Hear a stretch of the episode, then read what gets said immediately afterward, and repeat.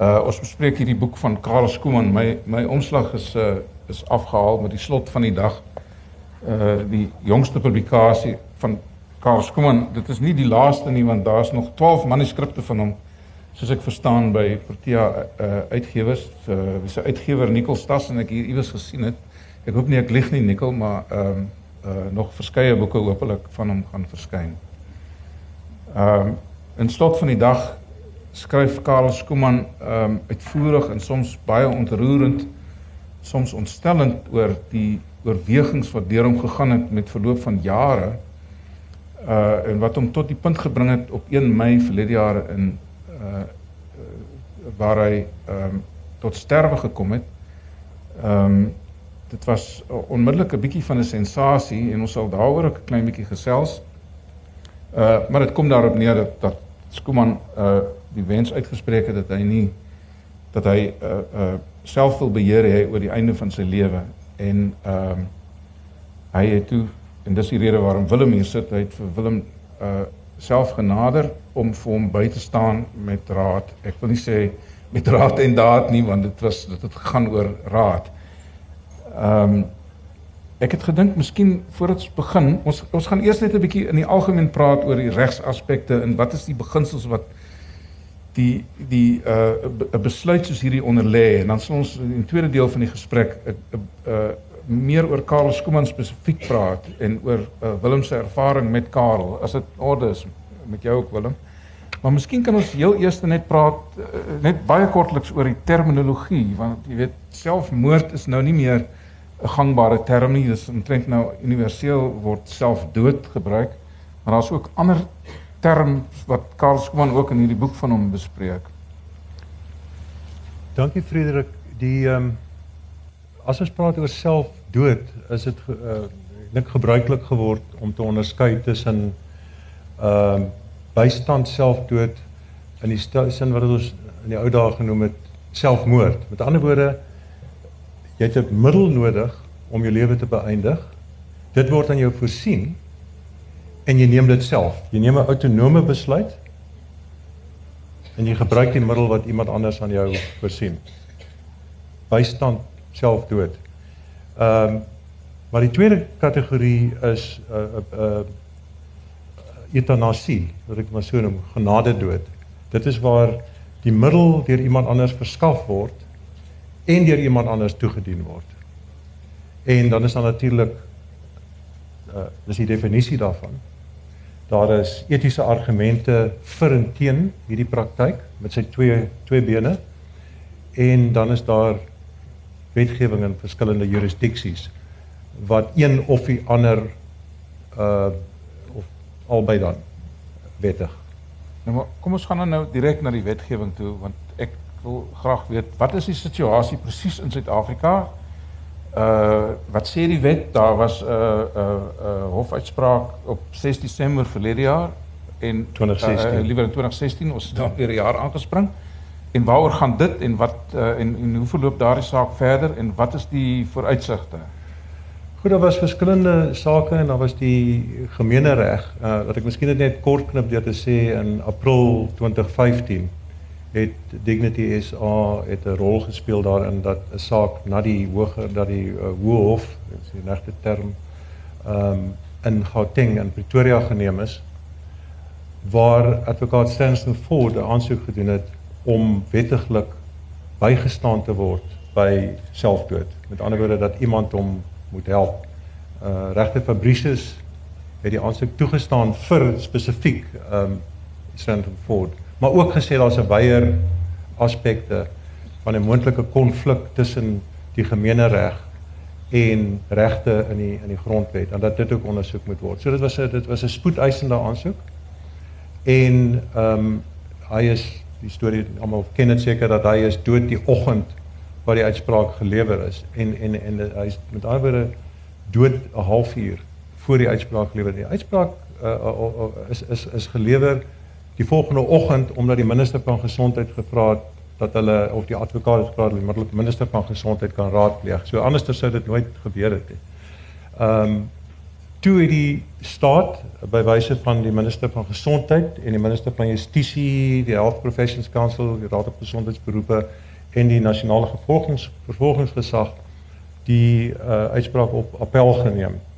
En dit is in op 4 November 2016 aangehoor by 'n volbank van 5 appelregters. En uitspraak deur regter Malcolm Wallace was op 6 Desember 6 Desember 2016 hy het die appel gehandhaaf met ander woorde ons het verloor maar die interessante van die uitspraak was dat uiteindelik gesê advokate aan beide kante het dit verkeerd.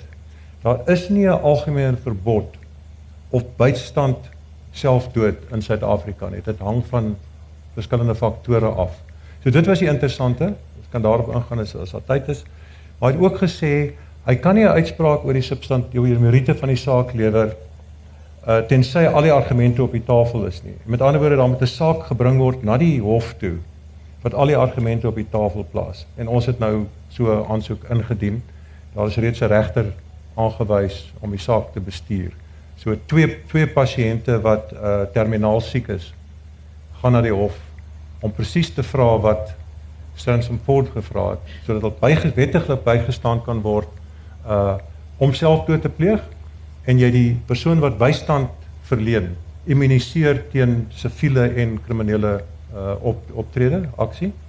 Uh so dit verwag ons sal binnekort na die na die hof toe gaan.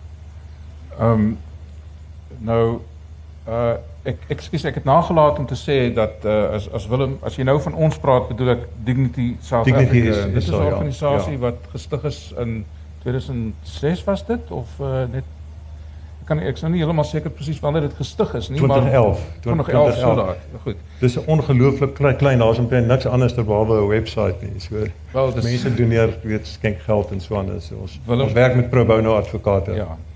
Willem is- Willem is een van die van die uh van die stigterlede en ho- en, en hoofde daarvan en ehm uh, ek ek gaan nou-nou vir jou vra 'n bietjie te vertel wat Dignity South Africa uh jy weet uh nou eintlik beoog. Ehm um, maar ehm um, miskien kan jy net uh, jy weet ons het nou die Suid-Afrikaanse situasie, maar daar is ander lande waar dit wel wettig is. Nederland is seker die eerste een wat vir ons uh by ons opkom. In Switserland is daar ook uh, Ja. fasiliteite en uh, mense weet nou al van heel wat mense na na Switserland gaan om hulle lewe te gaan beëindig. Ehm um, daar's lande wat uh wat beide ehm um, geassisteerde selfdood en genadedood uh, wettig is. Veral die vernaam die Benelux lande. Daar is state in Amerika waar uh, bystand selfdood uh Oregon is natuurlik die bekendste wat oor die 20 jaar waar dit wettig is en gekontroleer word wat eintlik 'n baie interessante gevalle studie is want een van die argumente teen bystand dood is dat dit misbruik kan word dat dit dat dit as dit ware uit beheer uitloop en dat mense onder druk geplaas word deur familielede die gemeenskap om om uh as hulle oud is en afgeleef is om hulle jy weet om hulself te verwyder uit die samelewing. Nou die statistieke en die en die die kontroles en die statistieke is baie interessant om na te kyk. Maar goed, wat gebeur het onder die laaste 3 jaar is dat 14 state, 13 boonbehalwe Oregon is besig om hul wetgewing te hersien. Ons het vers, vers, verskillende stadia van hersiening. Kanada was 'n interessante geval en ons het gehoop met ons aansoek dat Suid-Afrika Kanada se voorbeeld sal volg. Met ander woorde waar die Hooggeregshof in Kanada uh, aantal jare gelede met 5 stemme teen 4 teen bystand dood besluit het, het hulle uh so 3 jaar gelede, 3 4 jaar gelede 9-0 besluit dat die parlement moet wetgewing deurvoer om dit uh, te wettig. En dit het wel gebeur. So Kanada het uh is dan is natuurlik Switserland, ons weet almal van Switserland, die ander Benelux lande en dan die mees resente is is Victoria, die provinsie van staat van Victoria in Australië. Dit was die Northern Territories het dit 'n hele aantal jare, 20 jaar gelede dink ek, uh gewettig, maar die maar die federale parlement het dit omver ver, gewerk. Dan is daar ander lande van wie jy dit nie sal verwag nie, soos Colombia het die senaat besluit dat dit dit is wettig. Dit dit behoort wettig toegepas te word, maar dis nog nie dit is daar's nie 'n praktyk daarvan nie. Is daar groot ooreenstemming in die uh die beginsels wat in hierdie lande se wetgewing vasgevat is wat bepaal onder watter omstandighede dit wettig Ja. is en wanneer nie.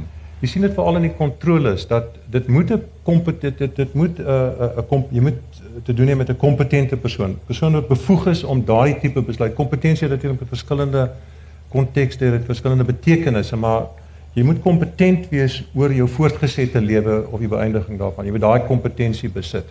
Dan moet jy 'n vrye besluit neem. Jy moet nie onder druk verkeer nie. Jy moet nie uh uh dit moet 'n werklike 'n vrye besluit. Nou goed, vryheid is altyd relatief, nee, maar jou jou jou vryheid word beperk deur jou liggaam wat ingee en so voort en so voort en dan jou verstand wat sê ek wil nie meer leef nie, maar dit moet jou eie besluit wees. Dis een twee van die van die vernaamste pilare. Dan moet jy 'n versoek uitspreek. Jy moet dan met tydsverloop tussen wees. Jy moet die versoek herhaal. Dan moet dan moet uh, en en mense moet dit kontroleer. Jy moet uh, jy weet medisy moet meer as een hoor te sertifiseer, maar hierdie sien ek is 'n is 'n genuine versoek. Die ander belangrike aspek behalwe die eerste twee wat ek genoem het, is moet jy terminaal siek wees? Of kan jy aan onomkeerbare, onuitdraaglike, onomkeerbare en onuitdraaglike lyding deurmaak? Fisies en geestelik. Ehm um, of as jy volslaa afhanklik van kunsmatige lewensondersteuning. Daai 3. Een van hulle geld gewoonlik. Um uh terminale siekte is gewoonlik die bekendste een. Nou Karel Skuman val nie in een van hierdie 3 nie. So dis wat hom bietjie van 'n uitsondering maak. Ja, die die die beginsel min of meer uh universeel wat tans geld is dat dit 'n mediese probleem moet wees en dat dit dus mediese toesig sertifisering uh, deur 'n mediese Is dit daar dalk doen ek iets verkeerd. Ehm um, ehm um, wat dit ook betekenisvol dat dat wees dat in hierdie hofsaake hier by ons dat dit die minister van gesondheid is. Maar ek dink in Nederland het, was dit ook die minister van gesondheid wat dit aan aangevoer het destyds. Ehm um, en jy weet 'n eh, persoon wat trouens later uh, om die lewe gebring is deur uh, deur 'n deur 'n ontoereikend ontoereikensvatbare persoon. Kyk, ehm um, ek dink wat interessant is is dat reg in die eerste jaar van as ons praat van die mediese die, die betrokkeheid van die minister van gesondheid. In die eerste jaar van die presidentskap van president Mandela is hy deur 'n organisasie, 'n lewende testament, Living Will Society genader, SAVES as hulle was hulle genoem.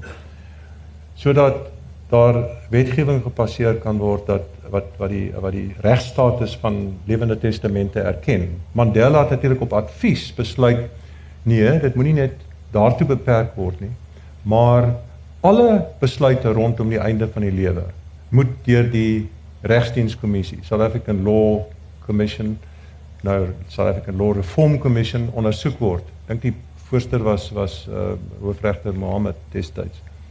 En dit was 20 jaar gelede.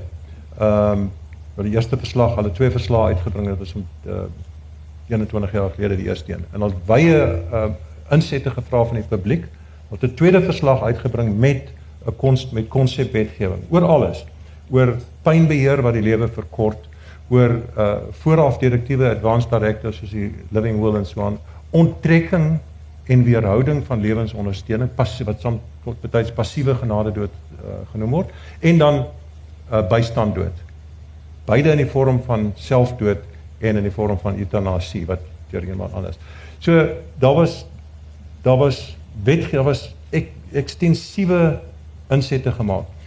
Um en uh dit niks het daarvan weet die minister van justisie dit het aan die president gegee minister van justisie gee dit aan die minister van gesondheid man toe en dit het 10 jaar op haar lesenaar gelê. En sy het niks daaraan gedoen nie. En uh, in 'n sekere sin wil ons met hierdie met hierdie tweede hof aansoek wil sê maar laat die parlement en dis wat regter Wallace ook gesê het die hof gaan nie wet kan nie wetgewing skryf as as as dit ware nie. Die parlement sal uh dit moet doen maar prompted by deur die deur die hof wat sê maar hier is 'n spanning tussen die gemeenereg wat nog altyd bystand dood as as 'n as 'n misdaad sien en 'n interpretasie van regte in die grondwet soos um in die Engelse terme dignity en en en uh, integrity of the body and uh en so voort.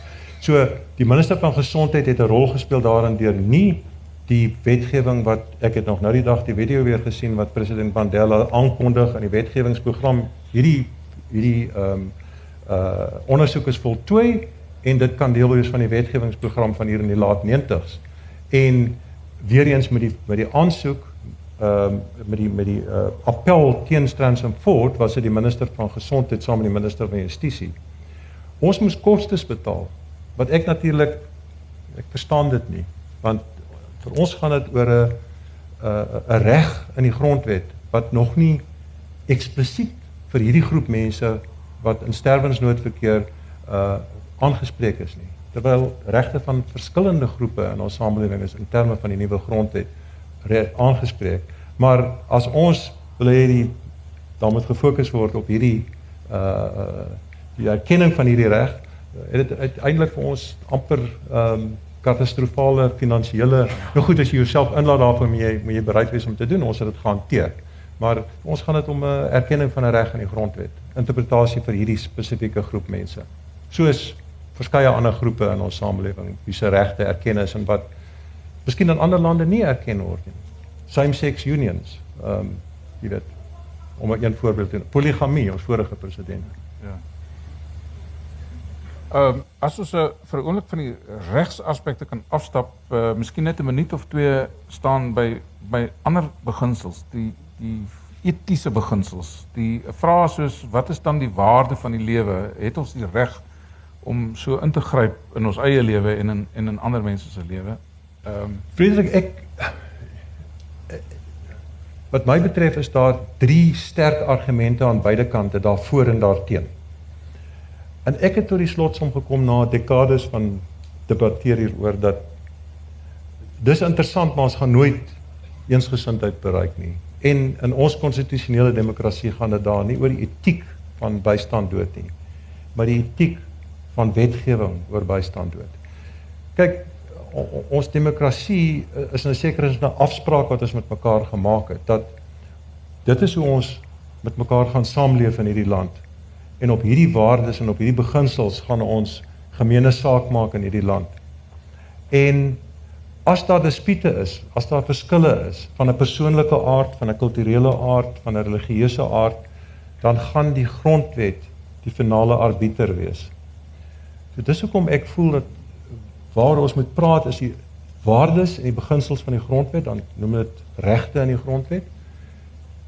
Is daar waardes en beginsels en regte wat vir vir mense wat in hierdie situasie verkeer om om om om uh met reg as dit ware te vra dat ons bygestaan bygestaan word. So ek ek ons kan kyk na die etiese argumente, dis natuurlik leiding, dit is selfbeskikking waaroor Karel Skooman dit gehad het dat ons ons, ons uh selfdeterminasie, leiding aan die ander kant die die daarteen gewoonlik dit kan misbruik word.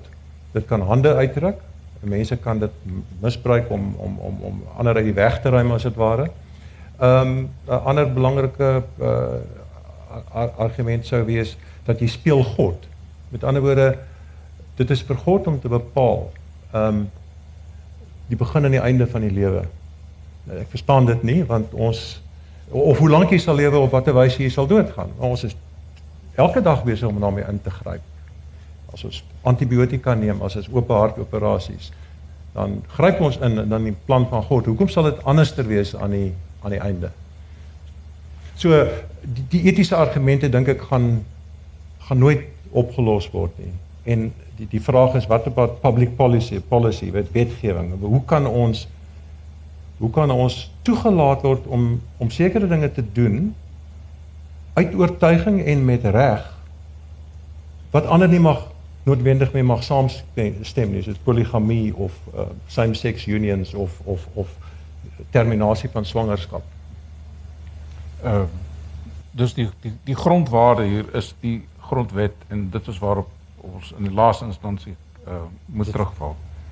Ek dink so weet om om om beslissings in terme van publieke beleid dan of wetgewing te maak moet moet ons weet uh want uh, anderster gaan dit 'n 'n 'n eindelose debat wees oor wat ek glo of jy glo of iemand anders glo.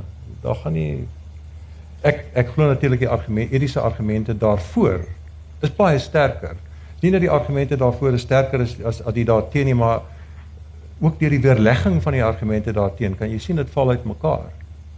En geen wonder dat in debatte groepe soos Doctors for Life altyd teruggryp na die nasie voorbeeld, net omdat Himmler se program die woord genade dood, euthanasia gebruik het, is daar onmiddellike 'n uh, 'n uh, uh, 'n uh, suggestie dat ons wil mense uit die weg ry, maar ons wat ek, ons bedoel ek mense wat daarvoor is. En die interessante is dat ehm um, daar studies gemaak toe oorlewendes van die Holocaust nog gelewe het, wat in Auschwitz en sovoorts was. Is daar is daar 'n opname gemaak onder hulle. En meeste van hulle is mense wat uh diep in hul 80's was in in in Israel en met 'n oorweldigende meerderheid van diep in die 90s het hulle geen verband gesien tussen uh, genade dood dan bystand dood in 'n mediese konteks en wat in die in die konsentrasiekampe gebeur het nie in die eksterminasiekampe gebeur het. Ja, dit sê daar's daar's daar's geen so maar ek, ek vind nog in debatte word dit word dit gebruik teen ons wat so glo of mense wat so glo. Uh, en en, en ek ek Daar's nie meer tyd vir so iets nie. Mens moet praat oor wat laat ons grondwet en die waardes van die grondwet vir ons toe. Wel, as ons nou die uh fokus 'n bietjie meer verskuif na Karl Skuman spesifiek en jou ervaring met hom, dan gaan ons nou ook weer kom by 'n instansie van waar mense kan sien wat is die sosiale konteks waarin hierdie debat plaasvind en 'n ervaring wat jy gehad het uh met die koerant, maar uh, dit dit nou net vir 'n oomblik later. Ehm um, vertel ons hoe het jy betrokke geraak? Hoe jy weet waarom waarom sit jy hier uh, vanaand? Wel, die kort antwoord is Karel se enigste se hoofkontak met die buitewêreld was die internet en YouTube. Uh, dit natuurlik daartoe gelei dat sy oordeele oor baie goed dink ek was was verkeerd. Net gewoon sy oordeele oor die Afrikaanse letterkunde byvoorbeeld. Maar dit is wat hy wie hy was. Dit het hom sy kreatiewe vermoë gegee en die ruimte geskep dat hy so kan skep soos hy geskep het dat hy het hy was hy was hy was 'n loner geweest. Hy het uh op oujaarsaand 2016 terloops dieselfde maand waarin hy uh die, die hof se uitspraak gegee het maar hy was totaal onbewus. Hy was totaal onbewus van die Stanton Ford saak. Hy het na die tyd in die huisgenoot daarvan gelees, lank daarna. Uh hy het op oujaarsaand 2016 vir my 'n uh, e-pos gestuur en gesê hy lees van Dignity SA. Hy kan nie glo dat daar mense is wat oor die goed in Suid-Afrika praat nie, wat ook snaaks is want dit is openlik in elke weet oor die afgelope 20 jaar word dit oor is oral gediskuteer in in tydskrifte en koerante en radiostasies en televisiestasies. En hy sien dat ons uh weet ons doel is die die wettiging van van bystand dood en of ek hom kan help met uh met die met die met die regsaspekte is dit sal dit vir hom wettig wees om uh homself dood te pleeg. Uh en hy het die vraag gevra omdat sal dit dan implikasie hê vir ander wat hom bystaan? Selfs net gemaklik hou indien hy uh na die die, die presiese punt waar uh, metode waar hy wou praat is wat hy noem die Hollanders noem versterwing met ander woorde die, uh, dat jy ophou eet en, en drink water drink dat jy jouself verhonger. En hy wil weet as mense vir hom bystaan. Want jy weet uh, met verhongering, selfs al maak jy iemand se lippe net nat, daai bietjie vochtigheid wat jou liggaam inneem kan jou kan jou verhongeringsproses met dae verleng. So hy wou die wetsaspekte weet en hy wou meer weet oor die praktiese aspekte van versterwing vir verhongering. En ek het hom laat weet ek is met vakansie, ek sal oor 10 dae vir hom kontak en toe toe die hele 4 maande se korrespondensie gevolg. Ek het hom in 39 jaar tevore ontmoet in Pretoria. Uh jy, jy weet hy's die uh hy's die oom van die konstitusionele hof regter Edwin Cameron. Uh hy's Edwin se oom. En alhoewel hy sê hy het nie familie nie, ook nog 'n hy het nie naby familie wat hy mee kontak het wat hom wat hy dink hom sou wat hy sou wou hê moet hom bystaan nie soos ek dit verstaan. So hy wou ehm um, weet hy wou hulp gehad het met die praktiese aspek. Ek het hom ek het hom deur Edwin ontmoet pas toe ek van Oxford teruggekom het en in Pretoria gewoon het vir 'n kort rukkie. Ook 'n interessant, weet hy, het hom ontmoet. Hy eendag kom hy na my woonstel toe. Klop aan die deur. Hy kom koffie drink, maar hy sê niks. Ons so het net daar gesit. Hulle het die koffie gedrink en het geloop. Hy was hy was uh hy was tot op die einde was hy die eksentrieke was hy trou aan die eksentrieke self wat hy wat hy was. Ehm um,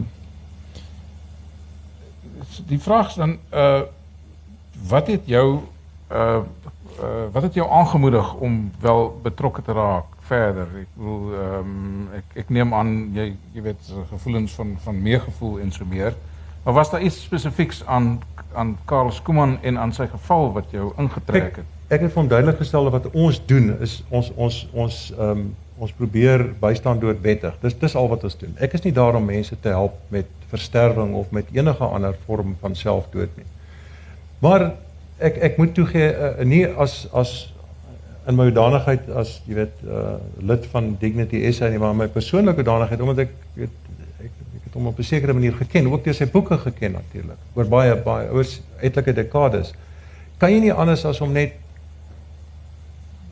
as dit ware betrokke te raak nie. En dit het dit het wel met my gebeur dat ek toe dog ek wel ek het aan versterwing nog nooit gedink nie. Laat ek uitvind dat ek uh bronne kry en vir hom aanstuur. Ek het natuurlik oor vele ander dinge vir hom materiaal aangestuur, oor oor lewende testamente, oor etlike ander uit uit ander uh, metodes probeer ondersoek en so voort. En uh maar oor versterwing het ek hom materiaal gestuur en so aan. En wat toe gebeur het, hy het gevoel hy jy weet alhoewel dit is wat hy gekies het en hy wou dit op 1 Mei daarmee begin het hy as dit ware in 'n doodloopstraat beland. Hy het besef hy gaan ander mense betrek op op 'n wyse wat hy nie gemaklik mee is nie. Want ek het die hele tyd vir hom gesê jy sal moet iemand hê wat deurlopend vir jou help. Dit help nie jy het iemand wat inkom vir dit of dat nie. Jy sal natuurlik 'n lewende testament moet hê wat as jy nie meer die jou jou wense kan uitspreek nie, moet die dokter nie nou vir jou uh op 'n drip sit en so aan nie. Maar jy sal jy sal iemand sien jou gemaklik moet hou. En hy jy weet na na instansies gegaan wat verpleging aanbied en die mense het gesê maar hulle kan nie dit doen nie, jy weet, dit is nie 'n gebruikelike ding wat hulle kan nie om bystaan daarmee nie, om te help om te sterf nie. So hy het dan het rondgeval om te kyk wie kan hom help. En ehm um, op 'n stadium het hy het net besluit hy gaan op 1 1 Mei dit doen. En toe daar 'n lang stilte, amper 'n maand se stilte tussen ons gewees. En ehm um, ek het ek het gedog hy hy gaan deur 'n moeilike tyd. Ehm um, en toe het ek vir hom gesê wil jy hê ek moet vir jou uh, 'n ander uitweg probeer soek. Ek kan dit nie self bied nie, maar ek kan jou probeer om met iemand 'n verbinding te sit. En dit het dan toe gebeur. En hy het dit as geweldig bevrydend gesien. Ehm um, geweldig het gemoedsrus teen die end gebring. Maar dit is 'n dis problematies want die die die gronde, weet hy was nie terminaal siek nie wat ek weer eens sê, hy was die terminaal het aan hy hy het moeilik gestap, hy het geval, hy kan nie opstaan nie, hy lê die hele nag op die vloer en sulke goed. Hy het gesukkel dink hy het ook baie meer daarvan gemaak het met Elsa Joubert byvoorbeeld. So Elsa Elsa het gesels met haar loopkarretjie. Uh, hy het hy het vir hom uitgebattle met sy loop sy loopkarretjie. Een boek wat uh, miskien in hierdie gesprek uh, saam met hierdie gesprek gelees kan word is die een van Elsa Joubert. Ja. Ehm um, terwyl ek nou adverteer, ek nie vir myself nie, maar dit is ook 'n ander onlangs verskene boek, Die dood en die sin van die lewe van Anton van die Kerk, filosoof en kollega van Willem wat ook onder meer 'n hoofstuk wy aan die boeke, dis die drie boeke oor die oor die oor dieselfde onderwerp. So ehm um, ek ek het ek het ek het vir hom herhaaldelik, ek dink dis belangrik, ek het vir hom herhaaldelik, ek wou weet of hy hoe ernstig hy is, hoe het hy dit deurdink voordat vir hom 'n uh, ander uitweg probeer help het mee. Uh ek het vir hom herhaaldelik gesê ek dis iets wat jy natuurlik ondersoek vir etlike jare van nou af. Ek meen, kyk ek wat skryf jy nog? Jy weet, jy maak tikfoute en so aan, jy maak 'n groot drama van die tikfoute en al die goed. Maar kyk wat kyk wat skryf jy? Ek meen, dit is 'n boek oor die Romeinse ryk wat nog moet uitkom. Jy weet wat uh, sy indrukke van verskillende keisers en die lewe in die Romeinse ryk. Onder andere toe 16 16 kopieë by by uh, verskillende uitgewers. Um dit het my etlike kere, ek het nou weer die korrespondensie deurgegaan, oor die vingers van my kwaliek geneem dat ek wil hê hy moet langer leef. Dat ek dink hy kan 'n bydra tot die samelewing nog maak. Hy ek het hom gesê jy kan jy kan nog baie bydra. Daar's baie wat jy kan skep nog. En hy het gesê ek ek wil nie dit hoor nie. Ek ek het my besluit geneem. Dit is vir my elke dag is my stryd. Ek probeer my rekenaar vermy. Ek kom met moeite 10 uur uit die bed en dan probeer ek rondom die ding loop en tuin toe loop en as ek my weer vind, dan is ek daar en dan neem iets van my besit Maar ek kan nie meer skep soos ek gewoonlik geskep het. Maar al hierdie foute en ek raak aan die slaap voor die toetsbord en dan is daar net ekse wat daar. En jy moenie vir my sê wat ons nou mekaar goed verstaan op watter basis ons praat. As jy wil verder met my praat dan is dit op daai basis dat ek het besluit dit is vir jaar, dit is nou laas jaar. Ehm um, en ons het gepraat oor sy wel noem dit maar onbeskoftheid met mense.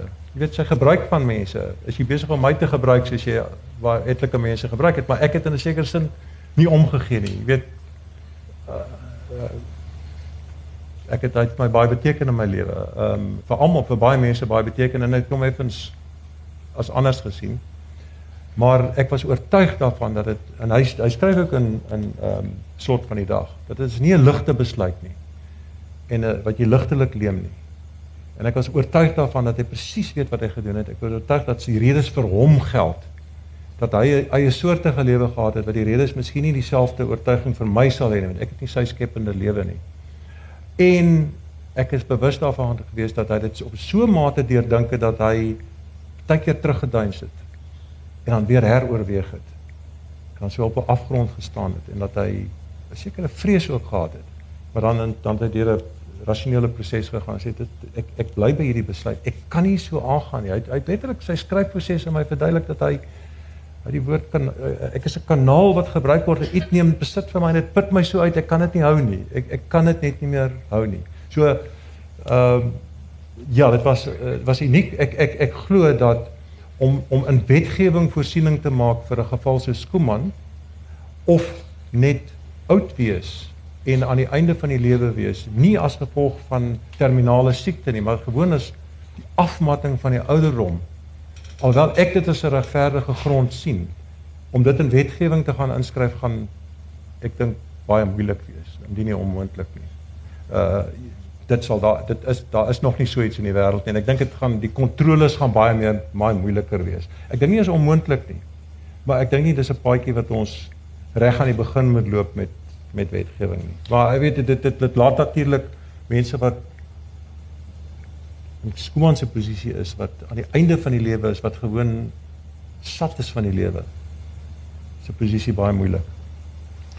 Uh dit is ook eintlik die punt waarop hy uh jy weet ek, ek het vroeër genoem van die die, die minister van gesondheid en die feit dat jy weet die die dat die beginsel so in mediese uh in in mediese oorwegings gegrond is waar Skuman self skryf snydend oor die oor die uh ja. mediese in hierdie boek hy hy hy's ook natuurlik snaaks nê nee? ek wil hy hy 'n sin vir humor 'n donker sin vir humor maar hy het dit behou nog tot die einde toe ek dink daar's um, die sin vir humor is deur die hele boek wat ja, spesifiek ja. die woorde wat hy kies vir die mediese maar uh daar's 'n selfspotting ook met als met met homself die heeltyd daardeur ek meen ek ek ek jy, jy verkneuk jou in 'n sekere manier van waarop hy hom uitdruk, jy weet. Dan dink jy amper hy's op 'n metavlak, jy weet. Hy's nie besig om hy hy lag vir homself ook, jy weet. Maar hy hy hy's hy's veral heftige kant daaroor dat medisy uh in 'n posisie geplaas moet word om te besluit om om sy besluit te beïnvloed of om om daaraan sanksie te gee of nie, want dit is nie 'n mediese kwessie nie. Dis 'n eksistensiële kwessie mediese kwessie. Dit is nie 'n mediese kwessie nie, daar's mediese aspekte, maar hy sê maar hulle is nie bevoeg. Hulle is nie bevoeg nie. Hulle kan nie met hom 'n gesprek tree nie. Hy hy weet dan dat die beskrywings van van hoe die kortsluitings wat eenvoudig bestaan as hy sy predikament uit uit uit reg in die end gesê daar was 'n 'n uh, vroulike dokter in Bloemfontein wat baie simpatiek was en hy was totaal verbaas dat iemand enigsins in in die, in die mediese roep daaroor gedink het. Ek het hierso gemerk wat hy skryf oor ja. mediese. Hy sê ehm um, wanneer ek op bloot menslike vlak uh bly val dit my terugblikkend op hoeveel selfingenomenheid, verwaandheid, kleinserigheid, onsekerheid, vol onvolwassenheid en by geleentheid bitsigheid daar onder hierdie klein groepie mans geskuil het uh om in oomblikke van meer persoonlike kontak en kommunikasie te voorskyn te tree wanneer die masker van alwetendheid vir 'n oomblik afglip. Uh maar ek bedoel dit is dis 'n heftige proses omdat hy hom gefrustreerd gevoel het in ja. sy uh in sy oortuiging dat hy self die uh ja. dat dat dat hy self die autoriteit moet wees om te besluit de, ja. uh, oor die, oor die einde van sy lewe en dat 'n dokter nie in staat daartoe is. 'n Ander aspek daarvan is dit mense vra my dikwels ehm um, hoekom het hy dit net gedoen nie? Hoekom moet jy ander mense bysleep? Maar uh, eers eers kan jy sê maar hoekom help ons mekaar dwars deur ons lewens met met lyding vir argumentshalwe. En hoekom is die terminale lyding die lyding na by die einde? Hoekom is dit anderster? Maar ek meen is gewoon net nie so so maklik nie. Vir 'n gesonde mens is dit is dit nie maklik nie om as jy nou moet dink, hoe gaan jy nou seker weet dat dit effektief gaan wees? En vir iemand wat in, in sy toestand is wat skuifel oor die vloer en so aan, nou moet hy hy moet weet om 'n middel te bekom en hoe om dit te neem teen die regte dosis dat hy nie naar word en dan eintlik uh jy weet of iemand anders ingryp en hy jy weet uh, in 'n slegter kyk sy eerste poging was so uit pille gemeng en dit was dit was 'n fiasco jy weet mense het hom daar kom red en uh uit leeg gepomp en so aan. So dit is nie so maklik nie. En ja nee, ek dink die belangrike interessante vraag is hoekom los ons mense kom ons kom ons argumenteer dat daar gevalle is wat wat ons oortuig is daarvan iemand moet bygestaan word. Uh terminale siekte wat dit ook al is hoekom hoekom sou ons sê dat uh, uh eintlik jy nie bystand nodig nie. Jy weet dit, dit jy, jy kan dit self doen. Dit is glad nie so maklik nie. En ek dink die kwessie van ek meen uh ook een van die grond uh, uh regte in ons in ons uh, grondwet die van menswaardigheid, dignity. Ek dink jy soek 'n menswaardige manier om te sterf. En en en om om om insekte doder, jy weet, uh agricultural poisons te gaan soek. Hy het my daaroor gevra en ek het gaan oplees en ek hom sê ek kan nie vir jou sê nie. Jy weet, ek kan nie vir jou sê watter dosis om te neem sodat jy nie siek word en dan slegter daaraan toe is as jy bykom nie. Maar ek weet dis dis dis dis nie mens dis onmenswaardig om te gaan soek vir die ouens wat die gif uitgooi om die honde dood te maak voor hulle die volgende dag toeslaan en in in by 'n plek inbreek. Ek weet nie of dit hier in Stellenbosch so is nie, maar in die noorde is dit so die honde eers vergif. Nou wie daai selfe gif moet Karel gaan soek voor hy dit neem of iemand anders. Wat die Nederlanders die gruwelmetodes gruwelmetodes noem. Ehm um, ek wil ek wil net een laaste vraag vra oor sy beweegredes, maar ek wil eintlik kom by nou wat met jou toe verder gebeur het na na sy sterfte. Uh want ten diepste uh wat was sy rede ten diepste? Dit het gaan oor skryf en nie skryf nie en die sin van die lewe. Kyk, hy het ek ek is nie 'n kenner op Skuma nie. Ek kan net sê wat ek met waaroor ek met hom geskryf het en met twee persone besoeke aan hom, maar dit is my baie duidelik ook in slot van die dag dat hy hou nie van die vraag wat is die sin van die lewe nie, hoofletter D en L. Sê ek enigste vraag wat vir my sin maak is wat is die sin van my lewe hier en nou? En die sin die, die sin van sy lewe was ten weet verstrengel met of of of uh, met skryf. Dit het vir hom sin gemaak. Toe ek vir hom vra, "Maar waar's jou boeke op jou raak?" Hy sê, "Ek weet ek stel nie belang. Ek gee nie ek weet nie wat ek geskryf het nie. Ek ek stel nie belang in die produk wat daar staan, weet 'n skrywer wat 'n boek vat en jy weet jy ry kom en so aan. Ek wil skryf. Dis al wat ek wil doen." En toe daardie muse van hom verdwyn wat hy ook na verwys toe hy begin tikfoute maak en en in sy gedagtegang dat hy eintlik onbeskof is met Marie Reder nê waar sy kom om hom na die na die mall toe te neem om by Woolworths te gaan dink hy het altyd van klasie goed gehou net hy het van iemand Nelson gehou om champagne daar te drink. Ehm um, hy het 'n baie eenvoudige lewe gehad maar hy het so uitgebreek en hierdie goedjies gedoen toe Marie Reder daar staan om hom te neem dan weet hy sy's daar maar hy kan nie eers een hand oplig van die toetsbord om haar te groet nie want hy gaan sy gedagtegang verloor met Marie Reder daar staan totdat hy nou klaar getik het. En hy het net gevoel uh, weet hierdie proses word sodat hy onbeskof is met mense en hy kan nie sy verloor sy gedagtegang en hy maak foute en hy is totaal afgemat. Hy en hy sy inspirasie verloor ehm um, dat die, die, die stryd het harder geword om te stry. En daarmee het die sin van sy lewe dit het, het verbrokkel. Het het het weggegloei in die weggevloei in die sand. En en hoe erger dit geword het, hoe erger het sy probleem geword met voortleef. Dit natuurlik ehm um, eksponensieel erger gewees met die die die die jy weet hy het die loopkarretjie en die rampie en en en uh ehm um, het geval en hy kan nie opstaan nie. Hy weet nie aan wat om homself op te huis nie en en so aan.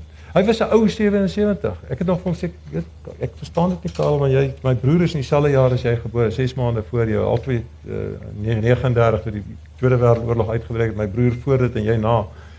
En uh, jy lyk my of of jy sy pa kon wees, jy weet. Wat is dit is jy regtig? Sukkel jy so want daar was 'n storie natuurlik van is dit Johan Rousseau wat vir hom in Trompsburg sien skuifel dit in die straat met sy mandjie waar hy eiers gaan koop soos hy elke dag en net daai naweek in 'n in 'n in 'n mall in Bloemfontein waar hy 'n exclusive boekstore by die trappe ophardloop. So jy weet nie altyd wat die wa waarheid met hom is nie. Jy moet nooit 'n skrywer vra wat die waarheid is nie. Hy's Nou, toe sterf hy op 1 Mei 2017 en kort daarna is jy in die koerant. Wat was daar aan die gang? Kyk, wat het gebeur? Hy het gehoop dat sy dood kan die debat bevorder. Alhoewel sy ek het ek het nie seker gewees daaroor nie want sy geval is nie 'n standaard tipe geval wat ons in wetgewing wil verskans nie. Maar toe die koerante my bel, toe sê ek nie ek weet daarvan en in in die, in die dagblad het dit gerapporteer en in my soos gebruiklik omdat ek weet daar mis maklik misverstand kan wees, ek gevra lees die berig vir my. Ek wil nie as 'n sensor optree nie, maar ek wil net weet dat wat dit korrek is, feitelik korrek is. En dit was ook so, toe bel rapport my en hulle wil 'n berig doen, ek weet 'n ander hoek gee seker en ek sê wel ek sal dit wil lees vir die tyd weer eens neem te sensureer nie maar die korrektheid daarvan te kontroleer. En wat toe gebeur is hulle hulle uh, ek weet nie of dit 'n sub was of wat wat uh, met 'n ander hoek op die ding wou gee nie. Die berig gaan toe oor dat Karel se helper wat net na my word verwys, uh die kans is goed dat hy krimineel vervolg sal word. Uh en en senior advokate on ongenaamd uh anoniem word aangehaal. En uh, en hulle gee nie vir my die berig om te lees nie en dit word gepubliseer. Ek sê te wel, ek sê my vrou wel, hulle stel nie meer belang daarin nie, is dis verby, jy weet. Ek gee nie om nie. Ehm um, toe kom die ding uit en hierso oor die hele bladsy, weet Karel se helper gaan sal uh, kans is goed dat hy vervolg sal word. En toe onthou weet daar was toe nog nie besluit op dat daar nie 'n lijkskouing gaan wees nie. Dit is nie veras nie. En ek het geweet alhoewel niemand by was nie. Ek het geweet dat hy sekere middel ingeneem het. Ek het dit nie aan hom verskaf nie, maar ek het ek het hom in weet in verbinding gesit met iemand wat dit wel aan hom verskaf het. En hy het so na 2 weke vir my ingelig oor wat gebeur het. Ek sê dis jou hele saak. Ehm um, maar as hy lifestyle gehou het en het, hy dit wel gedoen het, ons weet nie niemand was by nie. Dan kon dit uh, op die lappe gekom het indien dit wel gebeur het. En toe was toe besluit ek wel ek kan nie dit toelaat nie en ek het na die ombudsman gegaan het en ek het 'n uh, klag ingedien. Die ombudsman het gesê dat uh, die rapport het op 4 punte die perskode oortree. Rapport appeleer, ek kon antwoord daarop. Toe gaan dit na regter Bernard Ngwepe toe as die as die appelinstansie en hy gee vir my gelyk en die implikasie dan die ombudsman gelyk en 'n uh, rapport moes vers, moes verskoning aangee. Dit was dit was morsig, jy weet, want ek wou die ek wou die essensie van die van die korrespondensie tussen my en hom en die punte daai wil ek wil ek wil ek sê maar lid net gepubliseer het en so aan toe ek, ek, ek los dit die, die stof moet gaan lê totdat tot julle my genader het. Dog ek ek kan nou maar dis die tyd is nou dis is die stof wat gaan lê. Jy weet maar dit was 'n onaangename ondervinding. Ek het as 10 jaar as as uitvoerende hoof van die Etiek Instituut honderde onderhoude radio, televisie en koerante en ek die, ek het die grootste agting vir die vir die media. Ek dink ons sou dit sou beroerd met ons gegaan het in hierdie land as ons nie so so media die media gehad het wat ons het nie. So dit was vir my 'n taamlike skok, jy weet. Uh hoekom agter my rug gaan en en nou van hierdie hierdie anonieme. And by the way die die die advokate se se opinie wat soos dit weergegee is in die koerant. Ek sê nie dis wat hulle gesê het nie. Hulle sê toe nou het jy nie net een senior advokaat nie, etlike senior advokate sê ek is nie beïndruk daardeur nie. Want in terme van wat regter Wallace en vier ander appelregters in 'n volbank uitspraak gesê het, is is julle opinie verkeerd. So dit was 'n onaangename onaangename ondervinding. Afgesien van 'n hoofstuk in die geskiedenis van journalistiek, is dit 'n aanduiding uh van die omgewing waarin so 'n gesprek ook kan plaasvind. Dit hardloop gou-gou na sensasie, is dit nie? En in elk geval na na misverstand of uh oorvereenvoudiging of mense wat nie sterk genoeg agtergrond het nie maar dan nog altyd stellige uitsprake oor die saak maak. So die die kanse vir hysterie is uh is altyd in die omgewing, is dit nie? Ehm um, ek het ek kan dit maar hier sê, ek het uh, vir Waldemar Persel, weet, ek het hom ingelig en ek het hom kwaliek geneem dat hulle nie onmiddellik net besef het hulle wat hulle gedoen het is onaanvaarbaar nie. Ek van die hele proses wat 4 maande geduur het, kon ons uitgeskakel het. Uh ek weet nie, ek het die eerste uitgawe waarvan hy redakteur was, het gegaan oor professor Reins wat hier vermoor is by die strand en ek het ook gevind dat dit wat dit was pateties wat daar gedoen is aan daai gesin.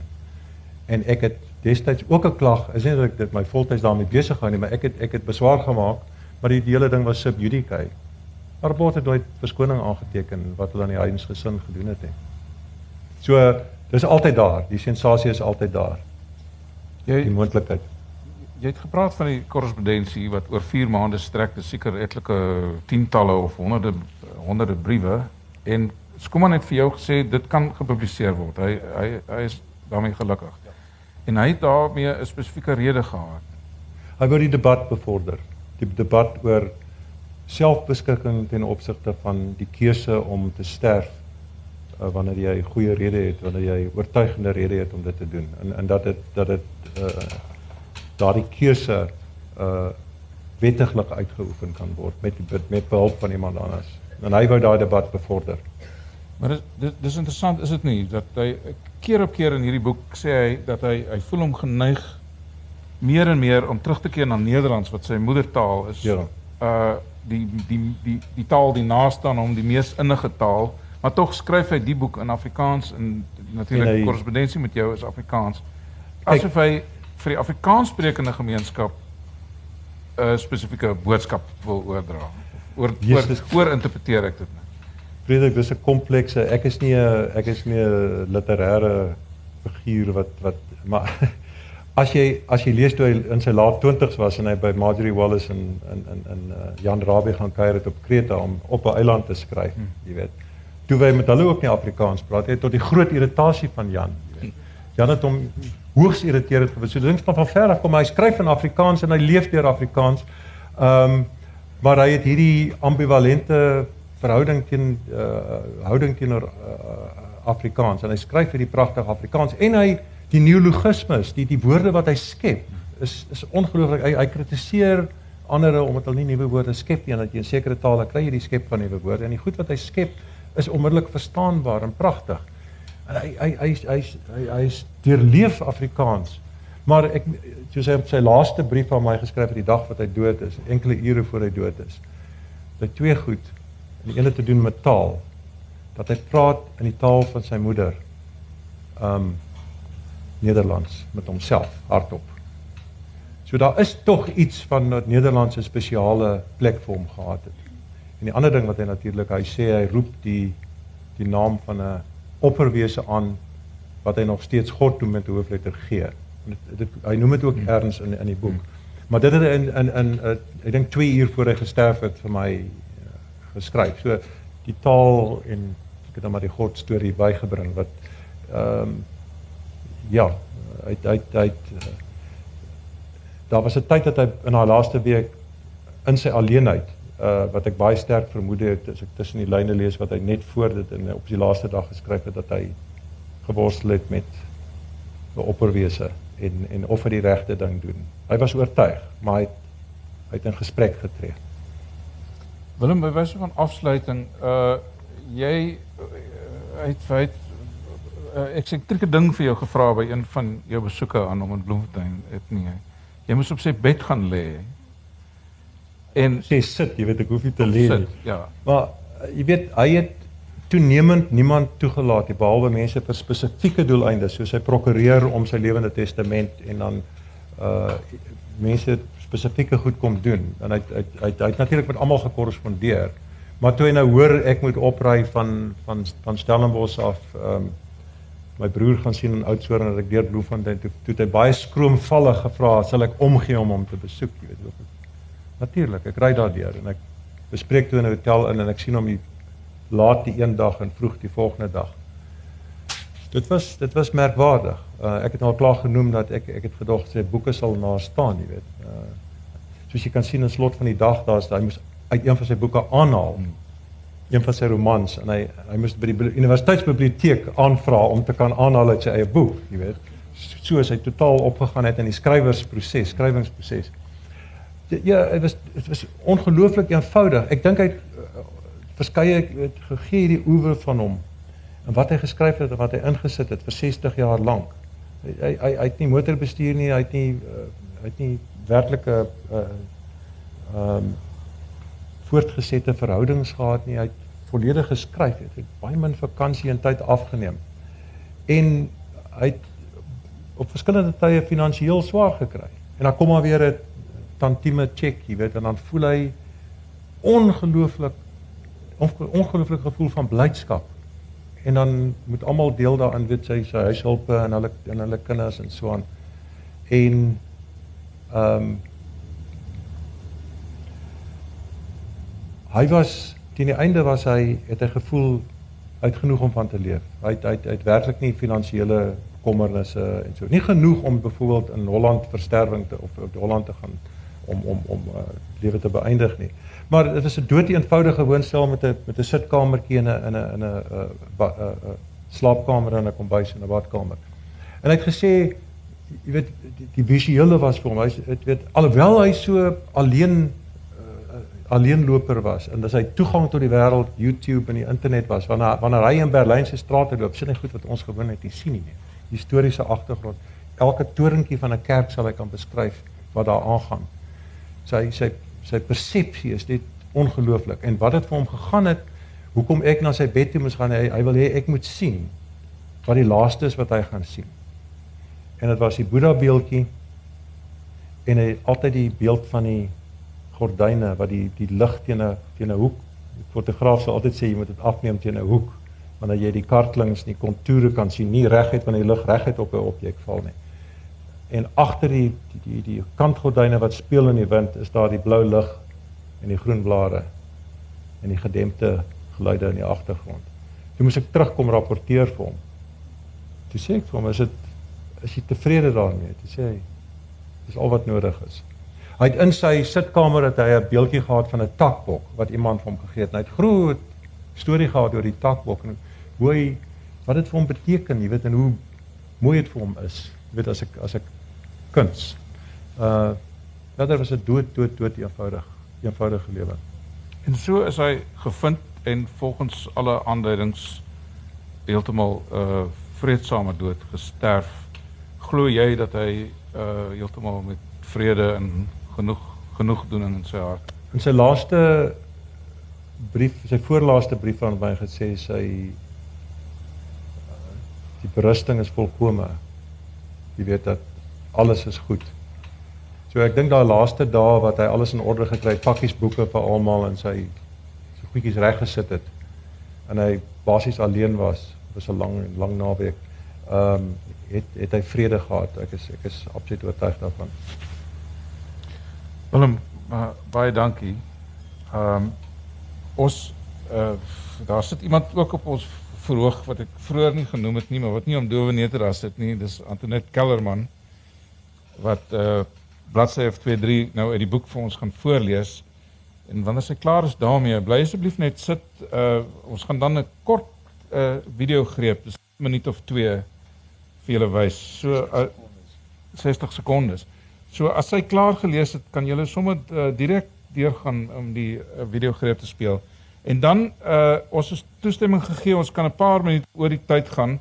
Die mense wat moet gaan, moet natuurlik gaan as hulle elders moet wees, maar uh ons sal dan uh, 'n uh, paar vrae uit die gehoor neem as iemand iets wil vra of sê oor die saak. So oor na Antoinette, baie dankie. Uh deelneem tans uh weet die, die uh, eenmansvertoning uh hierdie lewe daardie wonderlike wonderlike boek van Karl Skuman. Die moet julle tog asseblief nie misloop nie. Ek dit sal 'n ongelooflike ervaring wees. Dankie Frederik. Soms raak ek aan die slaap voor die rekenaar en word wakker met my voorhoof teen die toetsbord of my vinger op 'n toets. sien op die skerm voor my dat die rekenaar abstrakte patrone vir muurpapier begin het dieselfde letter honderdvoudig herhaal. Soms hoor ek stemme, soms kyk ek op en besef dat iemand langs my staan. Die oë vredig, vriendelik, pynsend op my gesig. Maar hierdie geeste is almal goed. Neeweffekte en spesiale voorsorgmaatreëls. Versteurings van die sentrale senuistelsel. Dikwels slaaploosheid, halusinasies. Halusinasies toon 'n positiewe verba verband met ouderdom. Pasiënte moet verwittig word dat halusinasies en verwarring kan voorkom en dat bejaardes 'n groter risiko loop as jonger pasiënte. Die risiko van halusinasies word toegeskryf kan word aan primapexol word skynbaar deur ouderdom verhoog. Doch wat is droom? Werklikheid, versinsel, illusie, hallusinasie of visioen ten slotte. En waar loop die grense wanneer jy jou eenmal buite die veiligheid van die gebaande pad bevind? En maak dit trouens nog saak vir enigiemand behalwe diegene wat ontdek dat hulle op die veilige gebaande pad gestrand bly. Daar is geeste en jy verleen aan hulle 'n stem. Dit is al. Amper soos die klein Ellie brand die medium wat die spiritistiese sitting in die sanatorium waarneem wat in Thomas Mann se roman Der Zauberberg beskryf word. Bladsye lank in pynlike en presiese detail word daar vermoeiende worsteling beskryf. Maar uiteindelik slaag die bitter volhardende stryd en Hans Kastrop se oorlede broer neef Joachim verskyn eenkant op 'n stoel aan die rand van die vertrek. Es war einer mehr im Zimmer als vor dem. En dit wat mens probeer doen wanneer jy skryf, so ongeveer. Die vroeging sowel as die welslaap. Doch die geeste kom sonder dat hulle ontbied is, ondanks alles. Is dit wat mens probeer doen wanneer jy skryf? Maar as ek die vraag herhaal, is dit hierdie keer met die klem op probeer en nie op doen nie. Dit is nie in jou mag of die geeste kom of nie. En die blote oproep het van self nie krag nie. Geeste kom wanneer hulle wil, soos hulle wil. En dan is daar stilte. Dan is daar helder leegte. Dan is daar niks meer nie. Niemand kom nie, niks kom nie en dit is verby. Maar as ek self nie meer woorde het nie, is daar altyd die woorde van ander van Thomas Mann om die ervaring weer te gee van Kafafis vir die uitbly daarvan. Ithaka gaf jy die mooie reis. Was dit er niet, dan was je nooit vertrokken. Verder heeft je niets te bieden meer. Ik hou my min of meer mechanisch bezig. Doch die laaste nie-fiksie word in stilte geskryf. Aanvanklik nog afwachtend, uiteindelik in berusting. 'n taakie vir my ou dag. Besig om vertroude gebare uit te voer, getroude handelinge na te boots, maar in 'n helder leegte, 'n helder stilte en 'n vrede. Hierdie boek, hierdie poging kry nie gestalte nie. Kry nie gedaante nie. Ek voer gebare uit in die helder lig van 'n leë verhoog, eers nog afwagtend, uiteindelik in berusting gebarespel. Niemand gaan kom nie.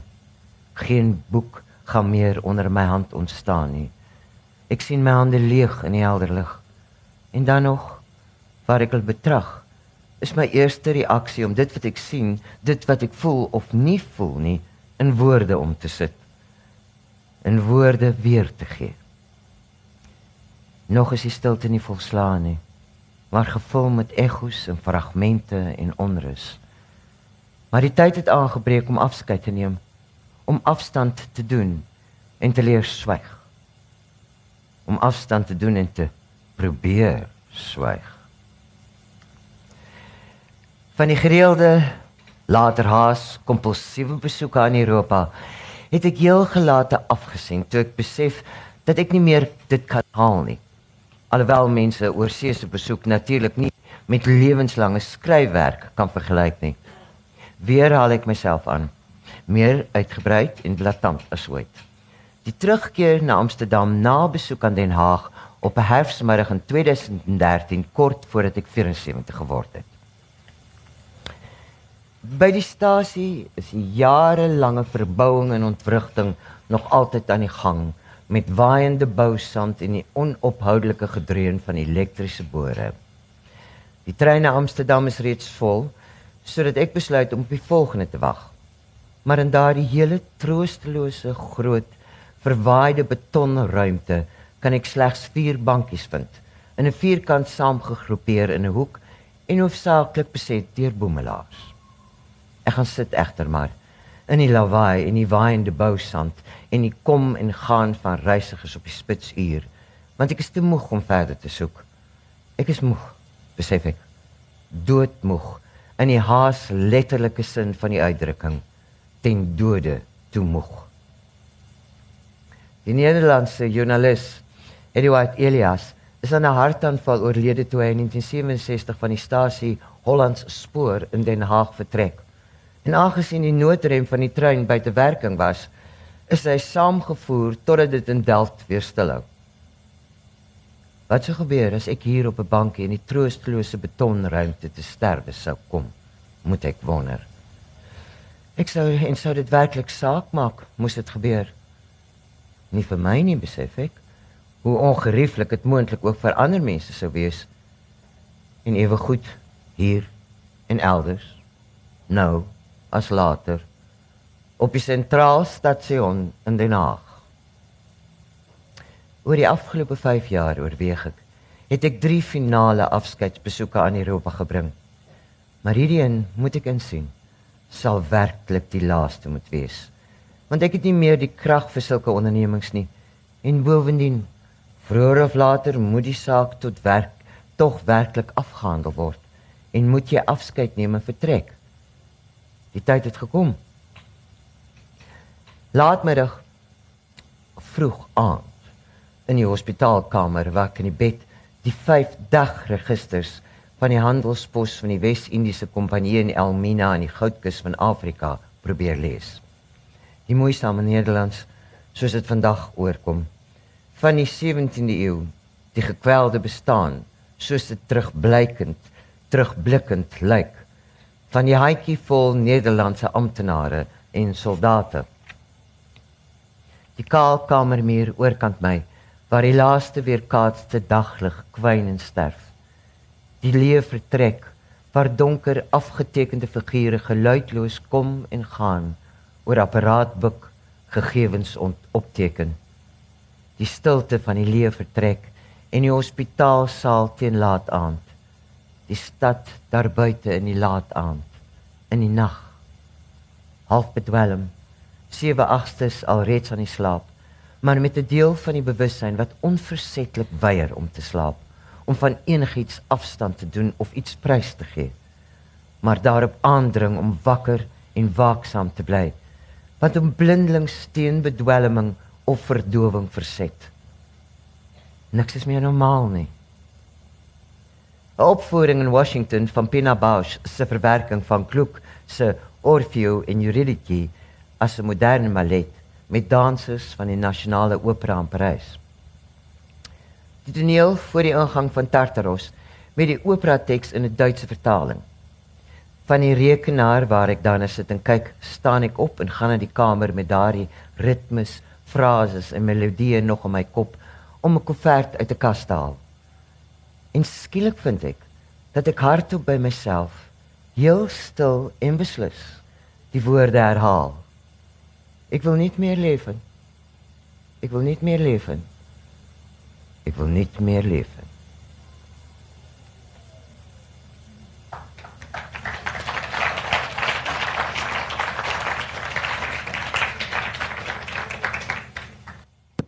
Ik het onlangs in die veld gaan stap, dit was winter. En ek het 'n verroeste hek oopgestoot en ek het die hek gesien onder my hand en ek het die gras gesien wat wit was in die winter en die klippe, die sandsteen langs die pad. En ek besef dat ek sterwend is nie met met verstrikking die en o God hoe vreeslik, maar as 'n deel van die werklikheid net so natuurlik so daardie mooi wintersdag in die veld en die koppies in die verte en die hek onder my hand. En geen van daai dinge is iets om te vrees nie, ewen as die winter op die somer iets is om te vrees, dis alles deel van die werklikheid in ons ons bevind. En as ons 'n deel van die werklikheid so sterwe of oud word as 'n voorspel inleiding tot sterwe nie kan aanvaar nie, dan beteken ons ons lewe en ons ehm um, veronreg die lewe want ons maak nie gebruik van al die moontlikhede wat hy ons bied nie. Ek hou weer van Wyk Lou aan mooi is die lewe en die dood is mooi nie een ten koste van die ander nie, maar altyd saam as deel van 'n geheel.